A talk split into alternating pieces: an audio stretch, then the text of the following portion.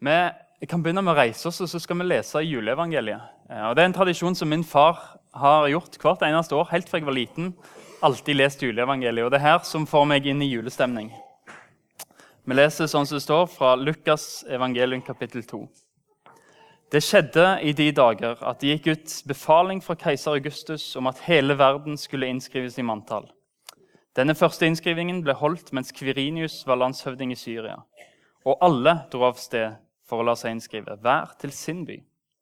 Josef dro da fra byen Nasaret i Galilea opp til Judea, til Davids by Betlehem, siden han var av David Davids hus og ett, for å la seg innskrive sammen med Maria, som var lovet bort til ham, og som ventet barn.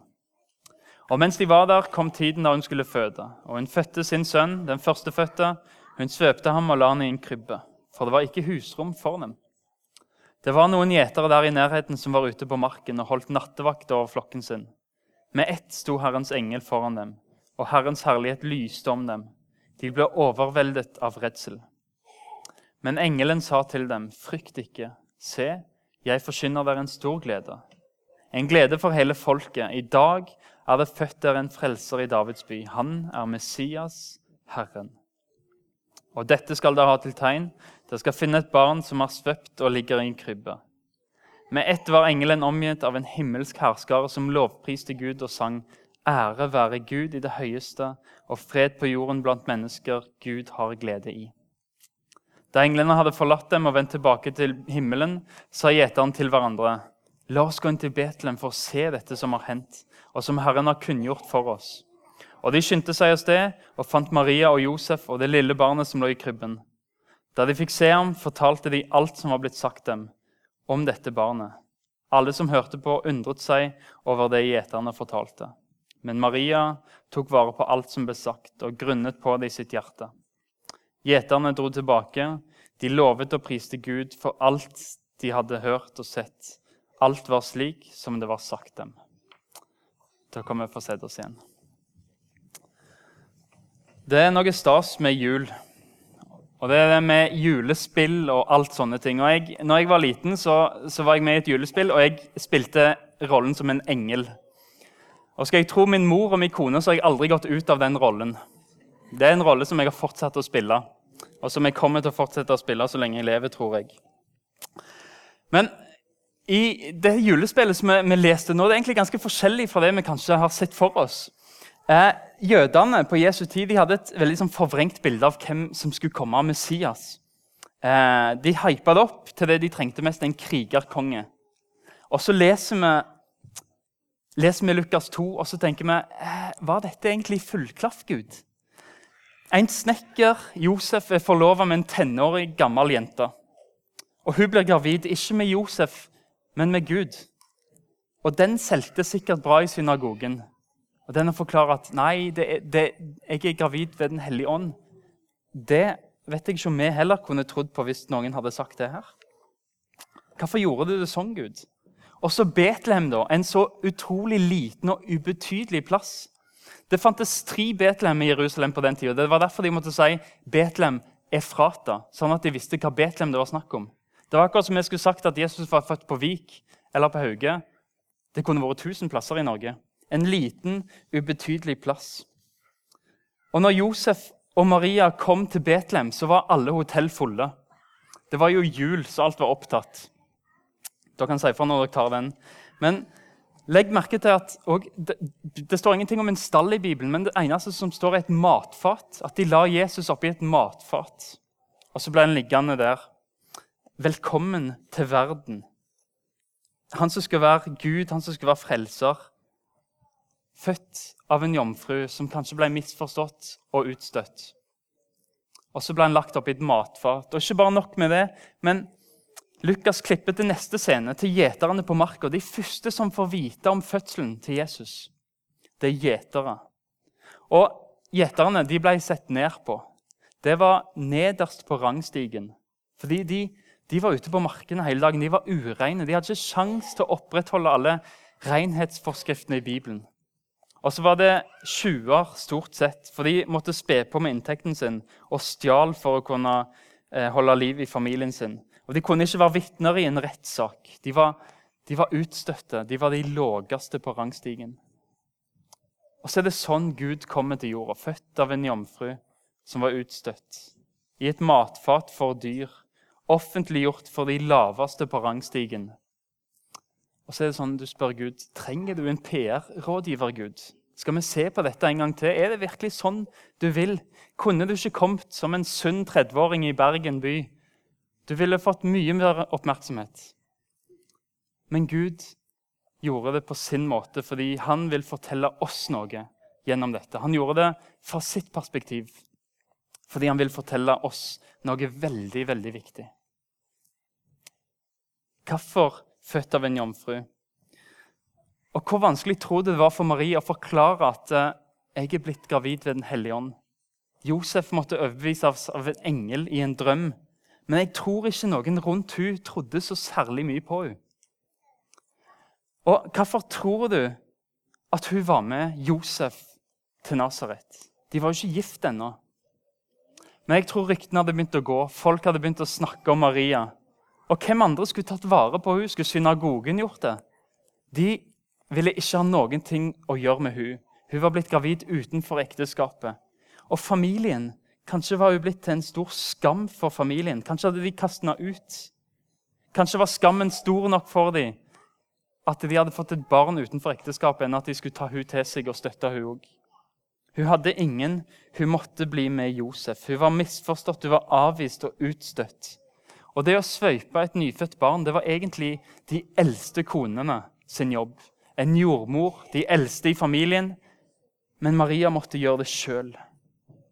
Hun hadde Josef der, men jeg vet ikke hvor mye hjelp det er en mann under en fødsel. De pleier å være ganske hvite i ansiktet, sier de. De pleier å være svimle. Hun måtte gjøre det sjøl, for alle andre hadde skjøvet fra seg. Og så vitner dette om hvem Jesus er. Han ble født avvist. Han ble født ute av rampelyset. Ingen gratulerte han. Ingen gratulerte Josef og Maria fordi han ble født avvist. Han ble født misforstått. Og Det betyr at han kan forstå deg som er marginalisert, og som er misforstått. De som er falt utfor. Jesus forstår dem. Og så kan han forholde seg til deg på en ekte og ærlig måte, fordi han vet hvordan du har det. Han vokste opp på den måten. For de marginaliserte, de utstøtte, de som ikke har noen å gratulere dem, de ensomme. Jesus vokste opp sånn. Og gjeterne de kriminelle, de lavest på rangstigen, som englene kom og fortalte om fødselen først til. Hvorfor er det de som får vite det? Gud, Hvorfor går du ikke rett til keiser Augustus i Roma og sier det, det er en ny konge i byen? Hvorfor kommer du aller først til gjeterne med nyheten? Jeg tror Gjennom det så forteller Gud oss at Jesus kom ikke for de perfekte. Jesus kom ikke for keiseren. Jesus kom ikke for landshøvdingen, men Jesus kom for de som er ureine. Til de som er ikke er perfekte. Jesus kom til de som går i Salem.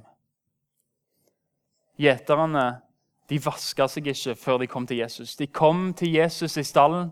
De lukta sau, og de var skitne. Men de kom sånn til Jesus, og de var velkomne. Og ennå så er det sånn du trenger ikke være perfekt for å komme til Jesus. Du trenger ikke være den mest prektige personen i hele verden. Han kom for sånne som har gjort feil gjennom hele livet.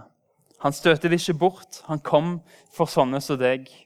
Og så vil han ikke bare ønske deg velkommen, men innlemme deg i Guds familie. Jesus ble menneskebarn for at du kan bli Guds barn. Det var det Gud ville formidle med at han ble født. Avvist, utstøtt. Og at han proklamerte det først og fremst til de laveste på rangstigen. For det er det sånne som deg og sånne som oss han kom for. Og så er det englene som synger noe. Ære være Gud i det høyeste og fred på jorden blant mennesker som Gud har glede i. Eller som, som har Guds velbehag.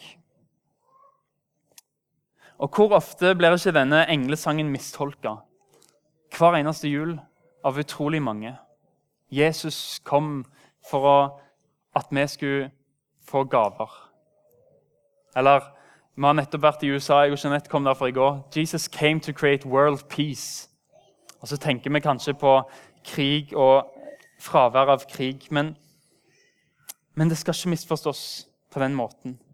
Englenes budskap er klart. Jesus kommer med fred blant mennesker som Gud har glede i. Fred, ikke fravær av konflikter, men shalom. Han kom med fred, en fred som betyr at Gud ikke regner syndene deres lenger. En fred som gir tilgivelse, frelse og helhet. Shalom, med fred. Du kan leve i fred med naboene dine. Eh, men uten Jesus så er det bare en tom fred som gir deg en behagelig tid på jord. Men uten Jesus så er det ikke virkelig, virkelig fred. Den freden som englene peker på, det er at Gud utsletter alle syndene til den som ikke er perfekt. Rettferdig, frelst, de blir hans barn. Det er den største betydningen av fred. Og Jesus kommer med en fred som gjør at sånn som Simon i tempelet, når han så Jesusbarnet, så sa han til Gud, Gud, nå kan du la meg reise her ifra med fred. Jesus kommer med en sånn fred som gjør at vi kan vi kan legge oss, ikke bare for dagen og for natta, men vi kan legge oss til ro når vi en gang er ut i dette livet. Så kan vi legge oss til ro med et smil om munnen fordi vi vet han har gitt oss fred. For Jesus gir evig liv og trygghet. I Jesus er døden ingenting å frykte. Han gir fred. Og mer julefred enn det så kan du ikke leite etter. Å være Guds barn og være frelst. Men englene sier noe mer enn å bare komme med fred. De sier at de gjør Jesus eksklusiv. For De sier at Jesus er ikke alle sin fred, men han er deres fred som er til glede for Gud. De som har Guds velbehag. Og plutselig blir julebudskapet veldig eksklusivt. Kun for de som har Guds velbehag de som Gud har sin glede i. Det er de som får fred, det er de som får frelse. Men hva må til for at Gud skal få glede i meg? Han har en viss glede i alle mennesker han har, han har skapt, det er sant. Men, men, Gud kan få mer glede i oss. På den tida Jesus ble født, så var det bare én vei å være til glede for Gud på. Det var å følge loven til punkt og prikke. Alle bud, alle regler. Og Hvis du ikke gjorde det, så hadde du ingen mulighet til å være til glede for Gud. Og det var synd for gjeterne, for de hadde brutt loven. Og det er synd for deg og det er synd for meg, for vi har heller ikke greid å leve opp til det. Vi har allerede tapt. Men den lille gutten i matfatet han endrer alt. Den gutten er Gud sjøl, født som menneske. Dette barnet vil vokse opp og være til glede for Gud i alt han gjør. Han vil leve rett i alle fristelser, i alle situasjoner, og han vil aldri synde. Og på slutten av sitt liv så gir han sitt liv for deg. Han vil ta din død. Han skal dø en synders død, selv om han er perfekt. Og det beste av alt er om du vil stole på han, så blir hans død din død. Og så blir hans liv ditt liv. Om du vil stole på han, så blir du til glede for Gud. I Hebreerbrevet 11, 6, så står det uten tro på Jesus er det umulig å være til glede for Gud. For den som trer fram for Gud, må tro at han er til, og at han lønner den som søker han. Uten å tro på Jesus er det umulig å være til glede for Gud. Og så er det dette englene sier. Du blir til glede for Gud, du får fred med Gud om du tror på Han og du blir frelst fra evig fortapelse kun gjennom troen på Jesus. For en julegave! Du kan bli til glede for Gud gjennom Jesus, gjennom troen på Jesus. Ditt liv, dine feil, blir skjult i Jesu perfekte liv om du tror på han. Og Da ser ikke Gud dine feil, men han ser Jesu rettferdige liv. Og så regner han deg som er rettferdig pga. Jesus. Og Det er det vi kan ta imot som en julegave. Og Det tar vi imot med åpne hender og så sier vi takk til alt vi trenger for å ta imot Jesus sin julegave. Og så sier englene om Jesus dette er frelseren, og dette er Messias, Herren. Og du vet ikke at julen er gode nyheter før du bruker de begrepene om Jesus. Du vet ikke at jul er gode nyheter før han er frelser, og før han er herre. Og så er det det englene synger. Ære være Gud i den høyeste, og fred på jorden blant mennesker som Gud har glede i. Det de sier, er all ære til Gud og frelse til oss som tror. Og så skal vi få kalle ham vår Herre, og så skal han få være frelser i våre liv. På samme måte som historien deles i to med Jesu fødsel, før Kristus og etter Kristus, så skal han få være herre i våre liv, sånn at våre liv deles i to, der det er et før Kristus og etter Kristus i våre liv. Og Når du ser at Jesus er herre og frelser, så kan julefreden virkelig senke seg. En julefred som overgår all forstand, og som frelser oss til det evige liv. Skal vi be. Herre Far, takk for ditt ord til oss i dag. Jesus, jeg ber om at din julefred kan senke oss i våre sinn. Hjelp oss til å se Jesus, at du er frelser og Herre. Og hjelp oss til å leve som om det er et etter Kristus i våre liv. Må du velsigne julekvelden og julehøytida som er foran oss. I ditt navn. Amen.